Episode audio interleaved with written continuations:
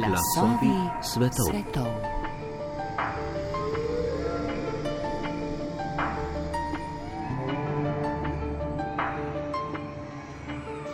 Čeprav večina Evrope že več kot tri četrt stoletja živi v miru, se vsi zavedamo, da po svetu divja veliko oboroženih spopadov in da vojna preplavlja življenja mnogih ljudi, pa naj se v njej znajdejo kot civilisti, vojaki državnih ali najemniških vojska ali pa morda kot gverilski uporniki.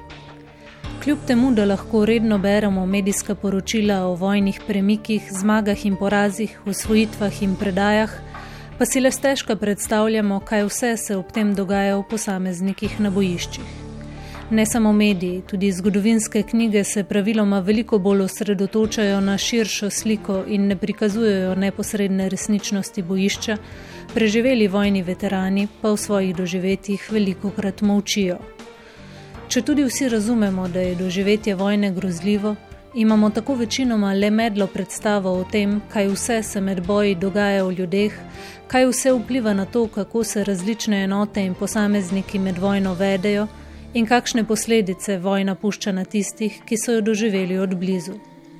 No, prav nekaterim od teh vprašanj se bomo posvečali v tokratnih glasovih svetov.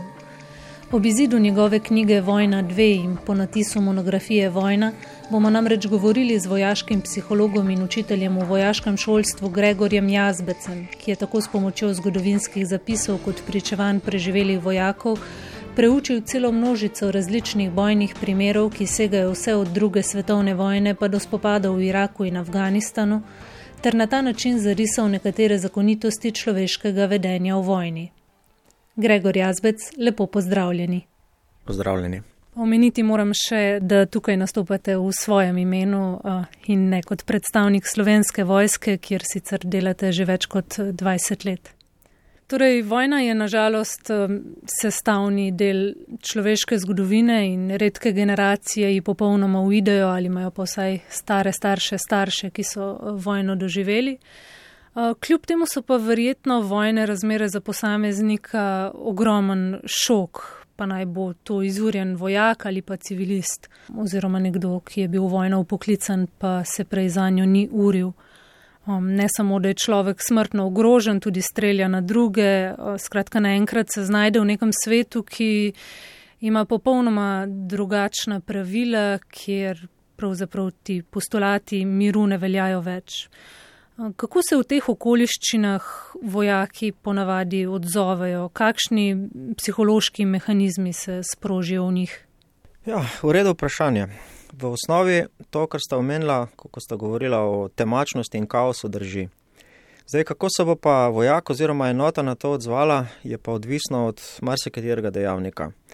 Eden izmed njih je, koliko je ta vojak oziroma koliko je ta enota na to črnino, če hočete, sploh pripravljena.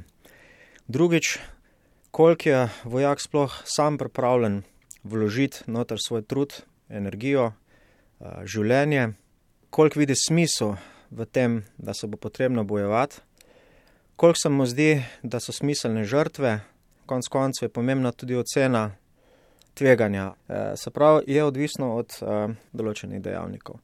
In zdaj, če je enota na bojevanje pripravljena, se pravi na strese boja, je vodena s poveljnikom, ki mu njegovi podrejeni zaupajo, je navajena na tegobe bojevanja, verjame, da so te tegobe vredne, vidi smisel v žrtvah, potem je ta prilagoditev lažja. Ali pa da obrnemo okrog, bolj kot je enota slabo pripravljena, slabšim poveljnikom, slabšo moralo, kohezijo in disciplino, večja je verjetnost, da se bo ta enota srečala oziroma bo zelo trdo padla na beton in bo temu ustrezno imela tudi eh, večje poškodbe, tako psihične kot seveda fizične. Drugače pa vprašanje bi najbrž to, kar ste omenila, kako se vojak odziva, mišljeno tudi v nekem drugem smislu. Ne samo, uh, katero se odziva boljše ali slabše, ampak tudi, kako se nasploh vojak oziroma enota na vojno odzove, ne glede na pripravljenost. Namreč obstaja neka zakonitost in sicer, da kot da bi šla vojak ali pa enota skozi določene faze. Tista prva faza je faza pred vojno, lahko rečemo tudi uh, obdobje, kjer je realnost vojske in vojne pri vojaku potisnjena v podzavest. Na nek način se zaveda, da bo mogoče do vojne prišlo in da bo pač takrat mogel svoje opraviti, ampak to je na nek način potisnjeno na stran. Drugo obdobje, ki nastopi, je trenutek resnice, se pravi v eh, čas, ko se vojna kuha oziroma ko se začne. Za to obdobje je značilno, se pravi, gledamo zdaj z psihološkega stališča, je značilno kar precej zmede, napetosti, pa tudi precej neravnovešenih uh, reakcij čustvenih. Ali si nekateri vojno želijo in po njej lepijo, ker je to končno prišlo do tega, za kar so se urili in obstaja tudi druga skrajnost, kjer pa so vojaki, ki so se pa zavedali, da gre, da je vrak vzel šalo in jih je vojna strah. Po tem obdobju negotovosti nastopijo prvi spopadi, ki so običajno šok. Ta šok konkretno pomeni, da se vojak zelo konkretno zave, kaj pravzaprav vojna, nasilje, rane in smrt so. Potem nastopi pa naslednje obdobje, v katerem se pa vojak ali pa če hočete enota na vojno pripravlja oziroma se na njo privaja. To konkretno pomeni, da postaja na nek način čez dalje narekovajo boljša v tem masovnem pretepu. Zaveda se, če so je zmožna, kje so njene omejitve, kaj je bolj nevarno, kaj manj in zna ločevati različne nevarnosti med seboj, se pravi, katere izmed njih potrebujejo resnejšo skrb, katere izmed njih pa lahko tudi odmislimo, ker niso tako nevarne, kot so pričakovali prej. No, naslednja stopna, tudi zadnja v končni fazi, je pa ali popolna prilagoditev na vojno, ki je relativno redka, ali pa počasen zdrs v motnje. Te motnje so lahko različne, vsekakor so posledica stresov vojne, gredo pa od lažjih moten, se pravi, da pride vojak nazaj z neko grenkobo. Eh, običajno je to grenkoba oziroma neko prepričanje, da je svojo pravo, ampak vojna v bližnji prihodnosti in tudi daljni ne želi videti več, ali prihaja pa s psihološkimi motnjami, blažjimi ali pa tudi težjimi do seveda končnih psihiatričnih. Tako da, če vse skupaj zavijamo ali pa če potegnemo črto, rečemo, eh, vsak vojak oziroma vsaka enota bo skozi ta ciklus šla, Tiste, ki so boljše pripravljene, bodo pa ta ciklus preživele lažje, hitreje in z manj odkloni in tudi manj psihičnimi motnjami ob koncu bojevanja.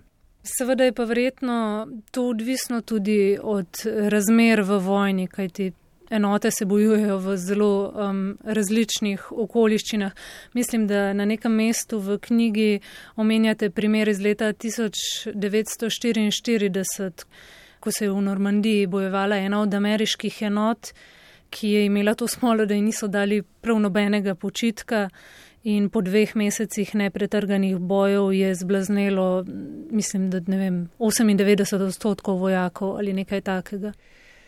Ja, eh, se pravi, en sklop dejavnikov, ki vpliva na to, kako se bo vojak na vojno odzval, je pripravljenost. O tem sva govorila. Uh, in pa tudi kvaliteta vodenja, normalna. Je pa ena, en sklop dejavnikov, ki se pojavlja šele v vojni. Eh, na njih pa pravzaprav nimaš vpliva, dokler se z njimi ne srečaš. Uh, bom dal kot primer. Eden izmed njih je način boja.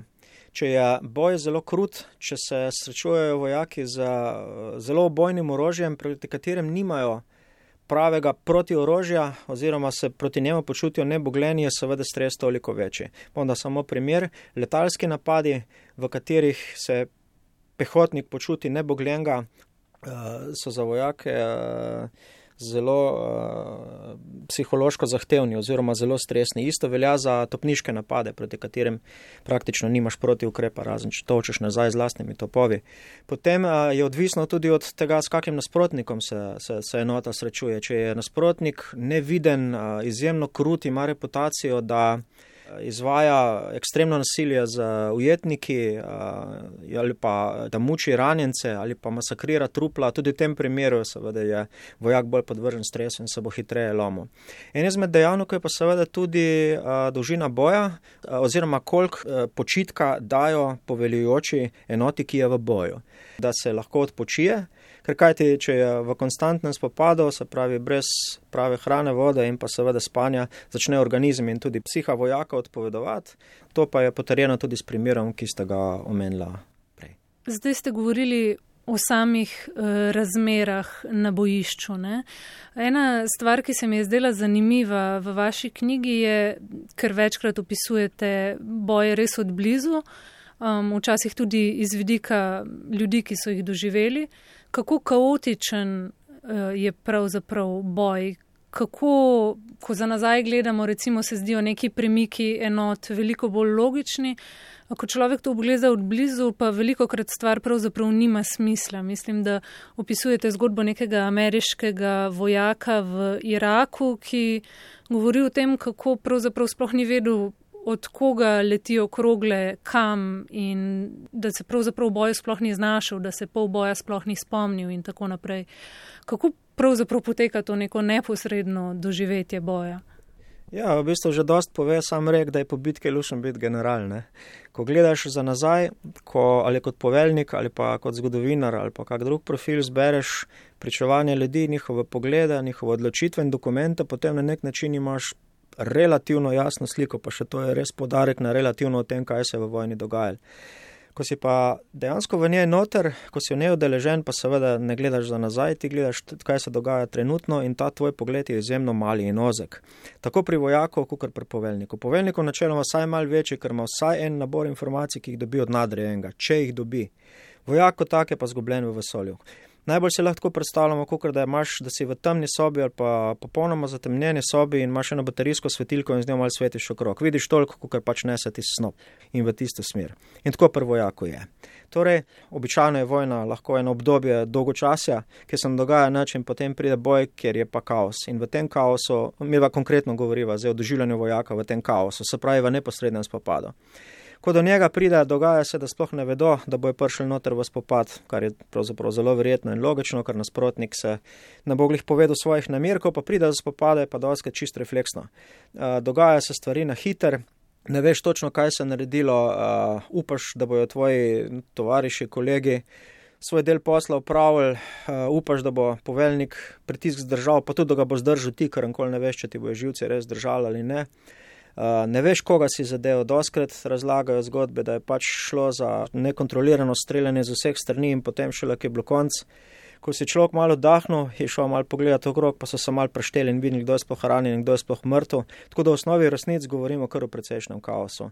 In umetnost vodenja v vojni je v osnovi res umetnost vodenja ena skupina pretepača, da bo znala v tem kaosu delovati relativno koordinirano, kar je težko. Omenili ste primer ameriškega vojaka, ki je to opisoval. On je v bistvu opisal tole, kar sem rekel jaz, še verjetno na boljši, pa še na bolj grafičen način. Kot samo opisuje, tukaj noter ni bilo nič drugega, kot kar um, napad, ki ga sploh niso pričakovali, potem pa tako streljanje, da mbd ni vedel, kdo pije in kdo plača. Sam konkretno je govoril o tem, da je streljal po vsem, kar je gibalo in kar se ni gibalo. Konkretno so bili to uh, civilisti, pralni stroji, ki so bili pred trgovinam na ulici, po balkonih, po potepuških psih, skratka, kjer je padlo, je padlo.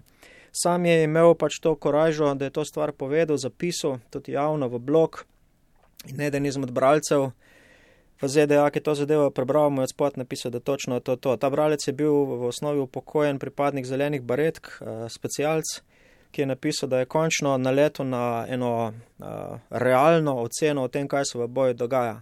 Kot je sam rekel in citiram, vse preveč je hollywoodskih zgodb, v katerih se prodaja, da se v boju ve, kaj se dogaja da gre za nek usklajen sistem bojevanja, uh, uporabe taktike, ampak na koncu gre za surov, surov pretep, po katerem niti dobro ne veš, kaj se dogaja in šele, ki konc začneš malo sestavljati zgodbo skupaj, pa spod spom določenih stvari se so mes dogajale. Tako da ga je pohvalil on in lahko, isto rečem, uh, lahko isto rečem iz svoje strani. Povedal je živo resnico in prepričan sem, da marsikateri veteran, ki tole posluša ali bo poslušal, se bo s tem strinjal. Zadeve nikakor niso tako sistemske in jasne, kot se mogoče včasih predstavljam. Gregor Jazbec, kako si pa vojaki potem v teh res kaotičnih situacijah nekako skušajo pomagati.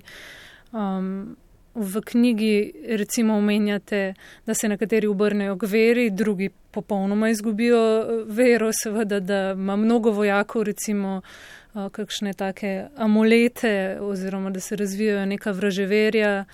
Um, kaj so neki načini, kako pravzaprav s tem neobvladljivim svetom sploh zdržijo?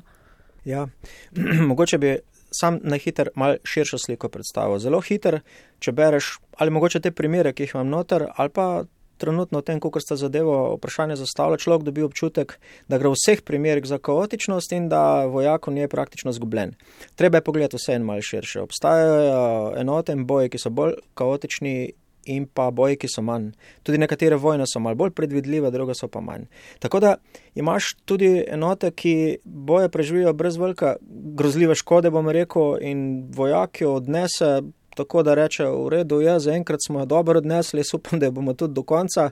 Če smo jih namlatili še toliko boljš, mogoče bi še enkrat to poskusil, ker je bil res dober občutek, drugač pa dej, da zadevo končamo da se na tak ali drugačen način vojna konča, da grem domov. To je najblažja varianta in v kateri se pravi mehanizem, v kateri vojak blažil ta kaos, na rekovaju je bil svoje upravljam, bom upravil, naj se pa enkrat konča.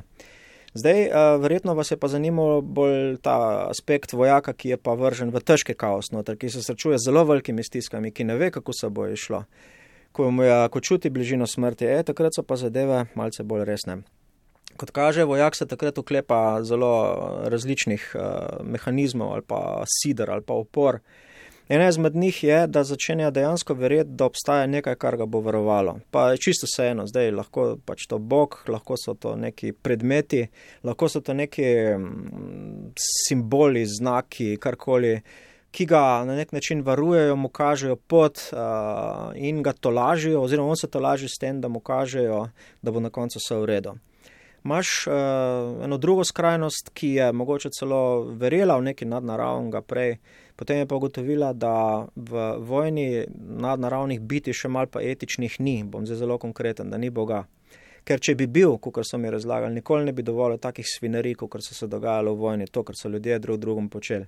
Potem postanejo trdi ateisti, postanejo trdi realisti, ki uh, gledajo na vojno kot svojo vrstno mesarijo in tudi kot loto, v kateri boš preživel ali pa ne boš. Včasih postanejo celo stoični, v smislu, kar bo, bo. Tako in tako ne moreš vplivati, mislim, kdo mi bo pomagal, da bom preživel. Lej, danes je padel moj nasprotnik, jutri pa lahko pod roko nogoga kolega padem jaz. Torej, eni grejo v vero in amulete, drugi grejo v stoičnost, veliko jih išče rešitev v upanju, da bo za njih kmalo konc. Se pravi, da bo njihova rotacija končana, da bo njihova enota zamenjena, da bo šli domov, da bo mogoče vojne dejansko konc. Eni se samo poškodujejo, da uh, si karto za odhod domov iščejo tako, da si pač, ne vem, prestrelijo nogo ali karkoli že, tako da bo pristalo bolnici in bojo nesposobni za vojsko. Eni recimo iščejo rešitev, zdaj smo več zdali v radikalnih primerih, eni iščejo rešitev v begu, v dezerterstvu. Eni iščejo te, se izogibajo vsaki vroči nalog in jo dajo tistim, ki so novejši, ki so bolj nezreli, ki, si, ki, ki ne upajo reči poveljniku ne.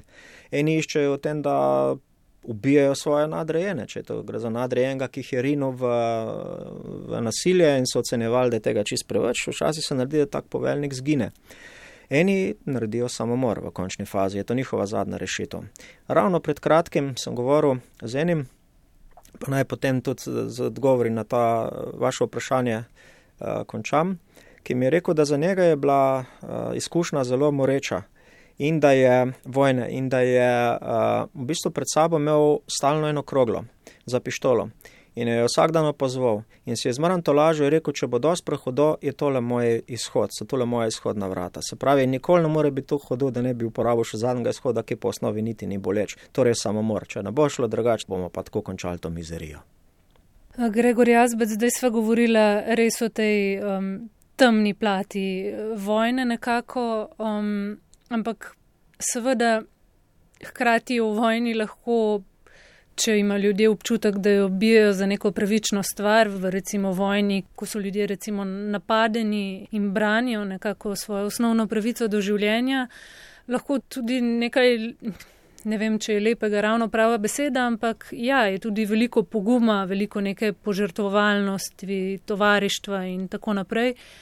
In se mi zdi, da je ena velika tema, ki se skozi vašo knjigo eh, pojavlja vedno znova, je pomen eh, morale in neke te povezanosti enote v občutku, da se borijo za pravo stvar.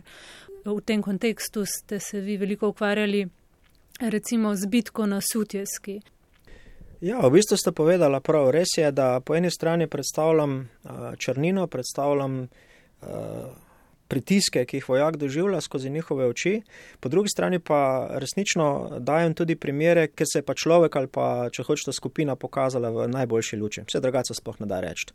Obstajajo dejansko enote, ki so pokazale toliko altruizma, toliko želje po življenju, pomoči in tovarištvu, da jih je v redu izpostaviti in se iz tega tudi učiti. Da človek ni zmožen izvajati samo ekstremno nasilje, ni samo pošast, ampak je v osnovi lahko tudi izjemno tovariško bitje. En izmed primerov, ki ste omenili, je ta, ni edin, so tudi še ostali. Dobro, če ste glih omenila sutjesko, pa naj bo to kot primer uh, tovarištva in morale, drži. V osnovi je bitka na nek način prežvečena, tako je verjamem tudi, ko bojo poslušalci slišali, pri marsikomu se bo vklopil en tak zvonček, zvonc in se mu bojo skozi glavo zapodile vse tiste ali partizanski filmi ali pa vse tiste zgodbe, ki so bile v naši mladosti ali počasi Jugoslavije povezane s Utjesko in so lahko do nje pristranski. Uh, bil sem tudi jaz, priznam. Uh, na njo sem gledal kot na ostalino iz neke druge dobe, neko bitko, ki v osnovi niti vprašanje, če se bo dal z nje kaj naučiti. Ampak bolj, ko sem se z njo obadal, bolj, ko me je noter vlekla in vlekla me je fejst, vlekla me sedem let, bolj sem jo spoznal, bolj sem ugotavljal veličino uh, človeške, če hočete, tragike vojne, po drugi strani pa tudi veličino človeške morale in pa tovarištva. Bom se zelo konkreten, kaj to pomeni. Sama bitka je, če povem zelo preprosto, je še eden izmed poskusov, nemških poskusov, da bi uničili partizansko vodstvo skupaj z neki ključnimi Titovimi divizijami. Šlo je za postavljanje obroča in šlo je za poskus te Titove bojne skupine, da bi z tega obroča prišla. Tukaj zadeva pravzaprav ni nečkaj pretirano uh, komplicirana. Tisto, kar pa zadeva naredi malo bolj globoko, je pa to, da so bili partizani oziroma Titova skupina soočena z uh, mobilno bolnišnico, z ranjenci, ki so jih pa mogli sabo nositi kar je pomenilo, da so bili v bistvu vojaki soočeni s tem, da so mogli svoj tempo upočasnjevati, tudi iskati zelo oske rešitve, takšne, da bojo omogočale rešitev ranjencev. Ranjencem bi jih hotel za sabo pustiti. To je potem narekovalo tempo celotne bitke in premike v katero smer in poskuse rešitev. Eh, večina teh poskusov, če ne praktično vsi, so bili vezani ravno na to, da se bo rešilo ranjence. In ko potegneš črto, kot vidiš na koncu, je en del uh, Titovih sil preživel, en del je v tem obroču ostal in umrl, vključno z ranjenci. Dojameš, kaj se je v bistvu tle noter dogajalo. Ogromno energije in truda je šlo v to, da se bo te ranjence ohranilo. In kos partizanskega bojne skupine je padel tudi v trudu, da bo te ranjence obdržal, na koncu je pa naredilo, da so pač izgubili tudi tisto, za kar so se toliko trudili, se pravi to centralno bolnišnico. In ko gledaš skozi perspektivo, koliko truda je bilo potrebnega za to, da si te ljudi držal po koncu, kaj vse so bili pripravljeni ljudje pretrpeti, da so za njih skrbeli in da so ostali skupaj kljub pritiskom, ki jih je pač veliko močnejši nasprotnik proti njim izvajal, dojameš, kakšna je lahko veličina Eh, človeka in pa njegovega delovanja v vojni.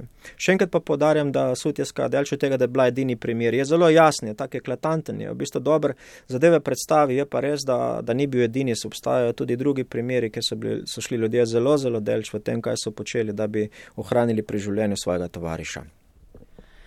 Ja, v knjigi omenjate recimo tudi nam nekoliko bližji spopad na um, menini planini. Gre tu za podobno stvar? Uh, Menina, tako kot Sutjeska, spada v prvo poglavje knjige, ki v bistvu govori o naukih uh, eh, NOB-a, kaj se lahko naučimo iz tedanjega bojevanja, z njihovih napak in, in stvari, ki so jih počeli in so se jim speljale dobro. Menina je bila v osnovi, najprej da, da, da poslušalcu povem, kaj menina je. V osnovi gre za spopad ena slovenska partizanska bojna skupina z enim delom 14. SS divizije v okolici Vranskega, se pravi na menini s, s tem primerom sem se začel badati takoj po sutjeski in je tudi pravzaprav z njo za sutjesko precej povezan. Uh, ker sem, ko enkrat razumeš logiko uh, partizanskega delovanja po Jugoslaviji in sutjeska, potem je bil zelo lahek korak tudi do uh, partizanskega gibanja v Sloveniji, do spopadov v, v Sloveniji in pa tudi do same menine. V osnovi je zgodba zelo podobna, tako da nisem imel velikih težav uh, sam primer sestaviti. Zopet gre za obkoljevanje. Zopet gre za uh, enoto partizansko, ki je bila izmučena, ki je iskala možnost rešitve in potem je pač rešitev ratela na veliko manj agresiven način, kot je to ratelo Titovi skupini na sutjeski, pa vendar. Tako da, kar se tega tiče, ni velikih razlik. Govorimo o pokoljevanju in pa poskusu uh, rešitve. Tisto, kar pa naredi menino vseeno mal drugačne, je pa vodenje. Pri sutjeski je bil vodenje enot samo en del zgodbe, ki sem ga predstavljal in tudi en del, na katerega sem bil pozoren. No, pri menini si pa lahko na vodenje pozoren veliko bolj. Tukaj noter je šlo za zelo izmučeno in tudi demoralizirano partizansko bojno skupino, ki je skupaj v bistvu lahko držala samo še, dobro, zdaj rekel bo radikalno peščica poveljnikov in to z mahkimi principi. Govorim o tem, da je v bistvu takrat deloval človeški pristop, tovariški pristop, bodrenje, ne pa trd, agresiven pristop. In ta primer, tudi ko sem ga opisal in tudi ko ga mogoče kdaj razlagam, ga ravno skozi to perspektivo, se pravi, da ko imaš enkrat opravka z ljudmi, ki so zelo utrujen, demotiviran, ki že težko jemljajo moči, takrat brcanje v zadnico ne deluje, takrat v bistvu deluje samo še, če bomo rekli temu, dotikanje srca, tovariški pristop, pomoč. In to velja tako za poveljnika v vojski, kot velja za vodje v organizacijah. Tudi v organizacijah imaš lahko ljudi, ki so sesuti, siti vsega in za trdim prijemom noč narijo neč drugega, kar zadeva samo še poslabša. Tako da nauki so tako za vojsko, kot za civilno prebivalstvo, tudi iz primera menina. Ja, s tem smo prišla do že večkrat omenjenega pomena vodanja v, v vojskah. Zdi se mi zanimivo, ker poudarjate ravno to, kar ste ravno kar omenili, da pravzaprav ni enega načina vodenja, ki bi bil vedno primeren. To me je recimo spomnilo na um, Vito Mila Zupana, ki v romanu Levitan, uh, kjer opisuje svoje zaporniško življenje, govori o tem, da je ugotavljal, ko so se menjali te zaporniki v sobah, da ni enega najboljšega um, družbenega sistema, da je odvisno, s kom si v sobi, z nekaterimi imaš lahko demokracijo, z drugimi pač uh, ne gre drugače kot s silo. Uh, tako da ja, kakšen je pravzaprav uh, dober voditelj, verjetno tak, ki lahko prilagaja svoje vodenje situacijam in enotam, ki jih ima podrejene. Ste praktično že odgovorila. Zdaj, um, včasih pa mogoče tudi zdaj obstaja še nek miselni ali pa bom rekel neka, eh, neko prepričanje določenega dela strokovnjakov v narekovajih, ali pa tudi brez, ki trdijo, da pravzaprav obstaja nek idealen način vodenja. In sicer običajno je ta idealen stil povezan s tem, da skrbiš za ljudi, da si do njih človeški, da razviješ njihove potencijale, da si učitelj, tako kot vodja in tako naprej. To v osnovi drži, je pa res, da to čisto preveč poenostavljeno. Ljudje smo si različni, skupine so si različne, delovne organizacije in tudi enote. Konkretno rečeno, obstaja več načinov dela z ljudmi, in ti grejo po eh, premici od najbolj trdega dela pa do najbolj mehkega. Najbolj trdi pomeni, da si do njih uh, gospodovalen, da jim uh, gledaš pod prste, da jih kontroliraš, da jih usmerjaš, da jim natančno poveš, kaj je treba narediti, in nek način tak agresiven, direktiven vodja. Druga skrajnost seveda je pa, da si zelo mehak, kar pomeni, da, da se zelo malo vtikuješ konkretno v to, kaj, kaj počno, kako bodo prišli do svojih rezultatov. In ja, uh, če moramo že reči, da obstaja neko narekovajo recept dela z skupino ali pa z enoto, bomo verjetno najbolj zadeli, če bomo rekli, da je čisto odvisno, kako enoto imaš. Konkretno rečeno, koliko je zrela, koliko je motivirana in koliko zna. Torej, da zdaj vse skupaj zavežemo.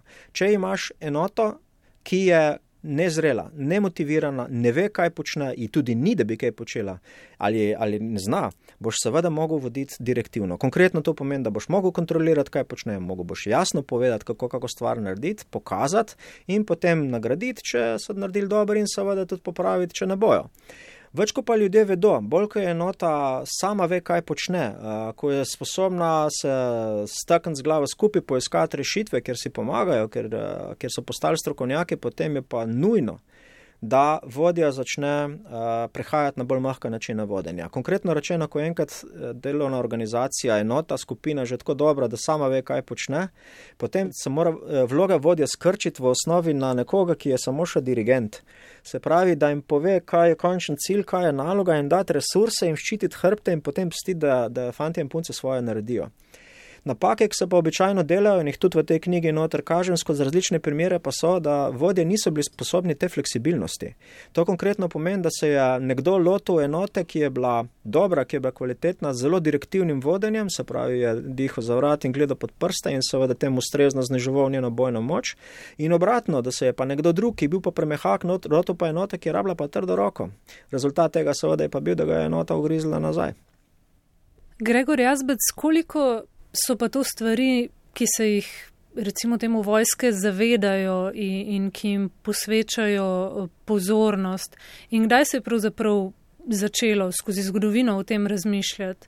V knjigi recimo opisujete en primer iz, mislim, da druge svetovne vojne, ker Britanci že predvsej celo pri zajeti enoti, eh, mislim, da neke nemške podmornice, predvsej natančno preučujejo, kaj je šlo na robe, eh, kakšni so bili odnosi med člani enote in tako naprej. Um, tako da, ja, kdaj ste se pravzaprav začeli s tem ukvarjati in kako pomembna tema je to? To je v bistvu dobro vprašanje. tako bomo rekli, zdaj, če moramo zelo poenostaviti. Mi v osnovi govorimo o tem, kdaj se je psihologija opletla noter v, v vojsko. Se pravi, kdaj se je začelo preučevati, kakšen dejavnik v bojni sposobnosti enote je človek in kako ga narediti, da bo ne deloval še boljš. Mislim, da je bil prvi poskus, da bi se psihologija opeljala v vojsko in konkretno vojno, prva svetovna vojna. Takrat je bila psihologija, če hočete, že tako razvita, če sploh lahko ta izraz uporabim, da so že ocenili določeni vojaški vodje, da bi bilo smiselno, da se jo uporabi kot določen inštrument za selekcijo vojakov za na fronto in pa po neke manjši meri tudi zato, da bi se jih bolj pripravilo na same pritiske vojne. Ampak to so bili prvi poskusi, bolj ali manj ostali samo pri selekciji. Druga vojna je v osnovi že na tem delala več, predvsem so pa to, vsaj največ so o tem pisali američani, so pa verjetno delali tudi kjer drugi. Se pravi, tukaj notri je šlo pa že za določene raziskave, običajno psihiatrične, ki so ugotavljale, kako delujejo enote v vojni, ki so že izdelovali določene grafe, kako se človek obnaša pod določenimi pritiski, selekcija je že napredovala, inštrumenti, pač vprašalniki so se že razvijali, postajali konkretno bolj vojaški, prerejeni na vojaško okolje in podobno. Napredovala je tudi način zdravljenja, vojaška psihiatrija, tako da druga vojna je v osnovi, v drugo vojno je bila psihologija že kar upletena. Ampak tudi tam še ne na polno. Jaz mislim, da se je tisti prelom, kjer je pa res postala pomembna, zgodil nekje v 60-ih, najbrž pa celo v 70-ih letih. Veliko zaslugo za to imajo pa v bistvu dva dejavnika. Eden je razvoj humanizma v eh, organizacijskih vedah. Se pravi, da so se pojavili teoretiki, ki so začeli upletati v delovanje organizacije dejavnik človeka, torej da je človek pomemben dejavnik pri tem, kako bo organizacija svoj posel upravljala. Se pravi, govorimo v osnovi psihologi, ki so uspeli prodreti organizacije in prodajati uh, znanje psihologije kot, kot orodje, s katerim lahko vodje deluje bolj. Se pravi, to je en dejavnik, da se je začela psihologija uvajati v vojaško organizacijo. Drug je pa fiasko, ki ga je ZDA doživel v Vietnamu. S tem, ko je, ko je ameriška vojska doživela polom, je iskala rešitev, kako bi stvar popravljala v bodoče. Ni išlo tam, glavno, niti z vodinja ni šlo dobro, morala je bila nizka, ljudje se niso hoteli bojevati in tudi doma je bila morala ljudi slaba in so potem najdel ključ, da najbrž bi bilo treba drugače zastaviti vojsko, da ne smemo več govoriti o strogem hierarhičnem vodenju, kjer je potem vojak samo številka, ampak da dejansko je treba začeti uporabljati psihološke principe.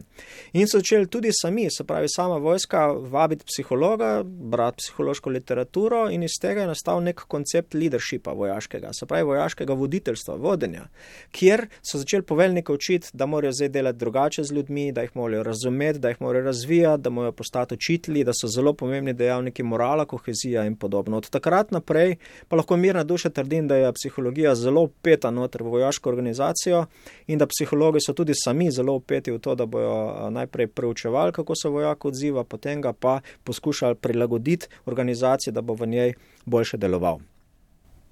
Ko ravno govoriva o vietnamski vojni, se mi zdi, da je pa to tudi obdobje, ko se je veliko več začelo govoriti o posledicah eh, vojne, ko so vsi ti vietnamski vojaki začeli prihajati domov, ker to je pa pravzaprav neka druga zgodba. Ne? Mi dva sva sedaj govorila o tem, kako vojaki v vojni reagirajo, ne? ampak verjetno tudi vojaki, ki so z vidika organizacije operativni v vojni, ki, ki zmorejo svoje naloge, domov ne pridejo brez posledic. Ne? Ja. Zdaj se v bistvu dotikava uh, tretjega podpoglavja knjige in sicer psihična posledica vojne. Seveda prihajajo s posledicami in je res, da se je to dojemanje, kakšne posledice so razvijalo skozi čas. V bistvu že v, že v prvi vojni so seveda zelo psihiatrična stroka zelo dobro vedla, kaj pritiske vojne počno, ampak so bili zdravljeni vojaki na zelo preproste načine, pa pustva to. V drugi vojni v bistvu tudi. Se je pa dost prikrivalo tako v prvi, kot v drugi, kakšne so dejansko te psihične posledice. Govorili se sicer o žrtvah, govorili je o mrtvih in ranjenih, zelo nerado se je pa z raznih razlogov govorilo o psihičnih posledicah, ki jih nosijo veterani. Čeprav so jih bile psihiatrične bolnišnice seveda polne. Pa vendar, psihiatrične bolnišnice so običajno za debelimi zidovi gradov. No, ja, Vietnam, Je pa zopet posebna zgodba. Nekaj tazga, kot smo se pogovarjali prej, Vietnam je povzročil, da, da se je psihologija upela v programe usposabljanj zahodnih vojska. Povzročil je pa tudi dojemanje širše javnosti, strokovne in pa lajčne o tem, kakšne so posledice vojne. Takrat so pravzaprav prvič začeli uh, zahodni psihologi javno pisati ali pa uh, prikazovati raziskave, in pa številke, kaj se dogaja z vojaki, ki prihajajo iz bojišča. Govorili so o vietnamskem sindromu in podobno, torej o psihičnih posledicah, stresnih, ki jih nosijo vojaki, ki so se srečevali z tegobami vojne. In takrat je ta zadeva začela nekako živeti, malo znotraj vojske, še bolj pa v širši javnosti, predvsem strokovni. Takrat se je v bistvu izplavala diagnoza posttraumatska stresna motnja, ki je zdaj na nek način precej znana in o njej se o njej veliko piše in govori. Tako da, da poenostavimo, se pravi, posttraumatska kot ob, najbolj običajna oblika motenj, ki jih vojaki ima, vsaj tako se predstavlja v medicini, je zdaj precej priznana, se tudi precej razume in je bolj ali manj posledica dela psihologov iz vietnamske vojne. Je treba biti pa pošten pa povedati, da tukaj ni samo Zahod odpira oči, ampak so se tega zavedali tudi na vzhodnem bloku, zdaj konkretno vam rekel Sovjeti. Sovjeti so v bistvu tudi zelo dobro vedeli, kaj se dogaja z sovjetskimi vojaki po koncu druge vojne in so jih tudi zdravili in so tudi razvijali uh, terapije in so tudi zelo dobro zavedali tega sindroma, o katerem smo ravno kar govorila, ampak je to je ostalo zaprto znotraj uh, njihovih vojaških krogov, to na zahod ni prišel. Tako da je v bistvu zahod odkril nekaj, kar je vzhod že vedel, res pa je, da zahod je zadeval belodanu in je dal ven, vzhod jo je držal pa zaprto. Koliko je pa prej sva govorila o tem, da seveda je boj za vojake nekaj popolnoma drugega, če se, tako kot recimo v drugi svetovni vojni, uh, borijo nekako za obstanek um, obramno ne? in v tem boju vidijo nek smisel in skoraj nujo. Um, kot vojaki, ki recimo grejo v vojsko za zaslužek, grejo morda kot zdaj ameriški vojaki na nek drug konec sveta, kjer verjamejo ali pa ne, da rešujejo tisto državo. Kako se pa ta občutek recimo pravičnosti tega pozna v doživljanju vojne za nazaj? Ker predstavljam si, da si je neke te grozljive stvari, ki jih pravzaprav vsak v vojni počne, veliko lažje upravičiti, če veš, da nekako nisi imel druge izbire oziroma da, da je bil ta boj, ki si ga bil pravičen. V bistvu se vaše vprašanje se lahko da na manjši skupni imenovalci in sicer koliko morala vpliva na uh, psihične motnje. Ja, uh, če ima enota ali pa bomo rekla vojak boljšo moralo, kar pomeni, da ve, zakaj se bori, je de facto psihičnih motenj manj. Se pravi, dejansko obstaja povezava med uh, moralo in pa med psihičnimi motnjami. Bolj ko verjameš v to, kar počneš, manjša je možnost, da se boš psi, psihično sesul oziroma da te bo ta teža vojne uh, porušila. Uh, zdaj pa tako. Kdaj pa je največja morala, če bomo to uh, področje odprla v vojnah, kjer se vojako zdijo pravične, oziroma da so nujno potrebne, da se bo potem naredil lepši svet? Se pravi, kadar govorimo o obramnih vojnah, v takih, kjer eh, braniš lastno zemljo, lasten dom, ali pa misliš, da boš eh, za vojno povzročil eh, spremembo družbenega sistema in da bo naslednji postal bolj pravičen in lep, v tem primeru se imajo vojaki močnejšo moralo, so se veliko bolj pripravljeni žrtvovati in takrat, in to je dokazljivo, je tudi psihičnih moten manj.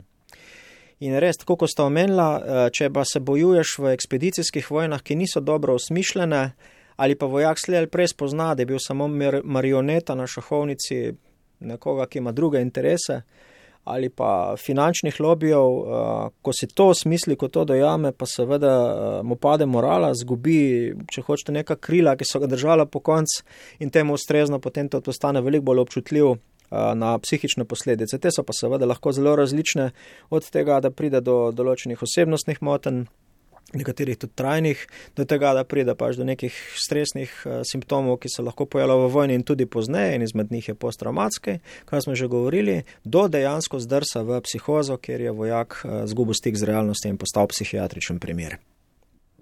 Gregor Jazbec v knjigi pa omenjate uh, tudi nekaj, kar se v vojni pogosto dogaja, pa morda tudi ne radi govorimo o tem, torej nek zdrs v kriminal ali kako bi temu rekli, neko res um, nasilno vedenje vojakov, ki je nasilno celo zateži tako in tako nasilne razmere, um, seveda v tem svetu že tako in tako ni um, nič lepega, ampak uh, ja. Večkrat se pa dogaja, eh, da pride do nekih čisto eh, nenadzorovanih eh, dejanj, ki so povsem izven vsakih vojnih konsenzov. Zakaj se pravzaprav začnejo dogajati tudi take stvari? To tematiko pokrivam pri poglavju psihične motnje. V bistvu najprej razložim, zakaj, kakšne vrste motnje obstajajo, potem pa to dajem, prikazujem skozi primere. In že v tem, če hočete, teoretičnem delu teh psihičnih motenj razlagam en koncept uh, zahodne uh, medicine, ki trdi, vojaške medicine, ki trdi, da vojna na človeka vpliva na različne načine. Eden je ta, da uh, lahko psihično zboli, o tem smo govorili, to smo že pokrili. Ampak lahko vpliva pa tudi tako, da ta človek v vojni zdivja, se pravi, da mu popustijo moralne zavore in postane nek način zločinc, kriminalc, žival, uh, primat, uh, agresiven in, in, in podobno. No, uh, malce pozneje razložim moje stališče in sicer, da mogoče je ta zahodna medicina zadeva preveč poenostavila. Namreč nisem popolnoma prepričan, mogoče ravno obratno, da je vojna tista, ki iz človeka naredi uh, ekstremnega nasilneža ali zločinca. Uh, ampak je zelo veliko odvisno od uh, poveljujočega, od poveljnika. On drugače rekel, da ko ti priješ v kaos vojne noter, normalno, da ti padajo zavore, normalno, da se ti topi etika, normalno, da ti raste sovraštvo, da je čez dalje manj razuma in čez dalje več čustev. Ampak je pa poveljnik tisti, od katerega je odvisno, kako delč bo vojak s svojimi kriminalnimi dejanji šel. Tako kot so mi razlagali, da so v vojnah bili in popolnoma verjamem, da je res, rekli so tako ko pride do, do, do vojne, ko pride do kaosa, ljudje začnejo postajati eh, drugačni, kot so bili prej, postajajo nek način živalski. Radi bi kradli, radi bi se obadali s kriminalom, pretepanje, če zdaj manjši problem, nasilje nad nemočnimi, če zdaj manjši problem, tudi civilistov bi kaj naredili in tako naprej. In razlagali so, če boš ti dopuščal, najprej bojo itak začeli z malimi eh, kriminalnimi dejanji, ki bojo potem samo rasla. Če boš ti dopustil, da bojo začeli z malimi, potem boš na koncu dobil eno hordo kriminalcev. Krivda je pa tvoja, ker nisi zaustavil v pravem času. Torej, da se vrnem nazaj ne bo ravno držalo, da, da je samo vojna tista in stres, ki povzroči to živalsko vedenje kriminalno, ampak je veliko odvisno od poveljevanja in kontrole, koliko boš ti vojaka držal nazaj. In potem seveda skozi same primere to tudi dokazujem. Notar da vsaj dva primera, v kateri gre za kriminalne enote, ki so izvajale ekstremno nasilje. En primer je iz, iz Afganistana, drug pa iz druge vojne, iz Polske. No, in v obeh primerih je zelo jasno razvidno, da je šlo za ljudi, ki se jim je postilo, da lahko delajo marsikaj, vodo jih je pa poveljnik, ki je bil kriminalc. In kaj drugega kot človeka, ki je sam nagnjen nasilju in ki ga spodbuja pri drugih ljudeh v kaosu vojna, kot to, da bojo povzročali vojni zločin, sploh ni za pričakovati. Morda za konec, eh, Gregor Jazbec, zdi se mi, da se skozi celotno knjigo nekako vleče nek konflikt. Po eni strani so to neke vrste navodila poveljnikom, kako eh, ravnati z vojaki, da bodo nekako lahko znotraj vojne čim bolje odreagirali. Ne zdi se mi na ključje, da dajete tudi primere iz najrazličnejših vojska v najrazličnejših zgodovinskih situacijah, ker se pravzaprav od vseh lahko nekaj naučimo v tem oziru, pa je čisto vseeno, so bile nek boj, ki je ga danes vidimo kot pravičnega um, ali ne. Ampak po drugi strani pa je zaznati neko željo potem, da bi predali to grozo vojne resničnosti. In na več mestih tudi jasno govorite o tem, kako svarite pred tem, da bi se znova pognali v kaj takega, kako ti dve plati knjige, pa tudi pravzaprav svojega dela, ker delate v vojski kot vojaški psiholog in kot učitelj vojaških voditeljev, kako pravzaprav ti dve stvari nekako, um, Kako greš ta skupaj? To je najbrž povezano če z mojim karakterjem oziroma mojim načinom razmišljanja. To, kar ste zdaj omenila, se pravi, to nek, nekakšen konflikt med tem, da daješ v narekovaju navodila poveljnikom, kako delati boljše enote, in po drugi strani prikazovanje ta istim ljudem, kako grozna je vojna. Eh, ta konflikt dejansko obstaja in, in jaz se tega zavedam in je tudi opazen že v nekaterih mojih drugih delih. Opazen je v Sutjeski, opazen je v prvi vojni. Pa verjetno bi najdel še kakšno drugo delo. Ampak o tem načeloma ni težav. Jaz sem ta konflikt že zdavni rešil. Namreč, eh, zdaj bom sicer osebno, ampak drugače na to vprašanje ne da odgovoriti. Mene je po eni strani vojna privlač, ker kaže človeka v najbolj surovi podobi. V bistvu če se kje pokaže, kaj v resnici človek je, je to ravno v vojni. Tako da na nek način gre za svoje vrstno, pa ne fascinacijo, ampak eh, svoje vrstno uh, zanimanje, kažem, do vojne, po drugi strani pa, ko jo spoznavaš, pa seveda dojameš, da gre za zelo brutalno in grdo stvar. In seveda uh, dojameš tudi kot vojaški psiholog, da ti, ko si v vojaški organizaciji, tvoja naloga je, da delaš za organizacijo. Cilj organizacije pa je, da jo pripraviš uh, vojaka ali pa organizacijo na to, da bo po potrebi izvajala nasilje in ga sprejemala. Zdaj pa kako to vse skupaj uravnotežiti? Po eni strani veselje na tem, kaj počneš, po drugi strani zavedanje, kaj vojna je, in po tretji strani zavedanje, da pravzaprav delaš za nasilno organizacijo oziroma potencijalno nasilno organizacijo.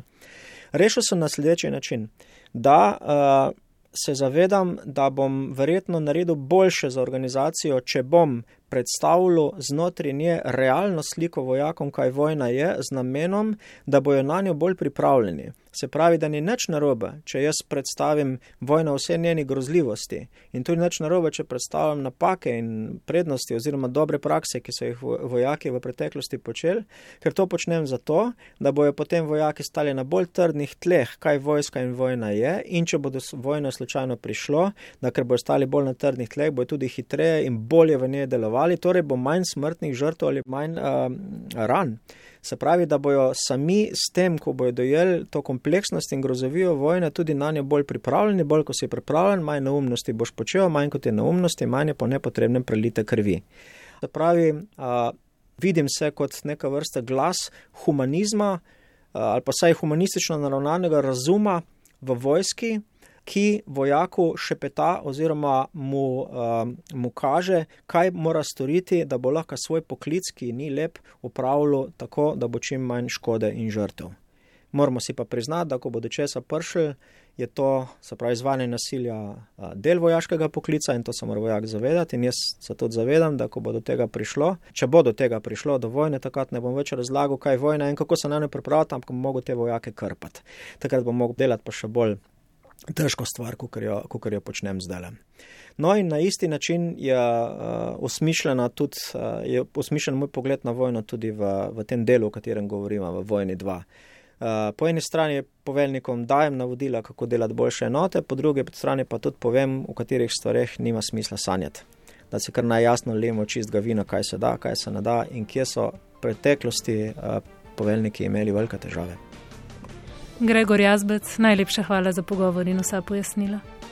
Hvala tudi vam.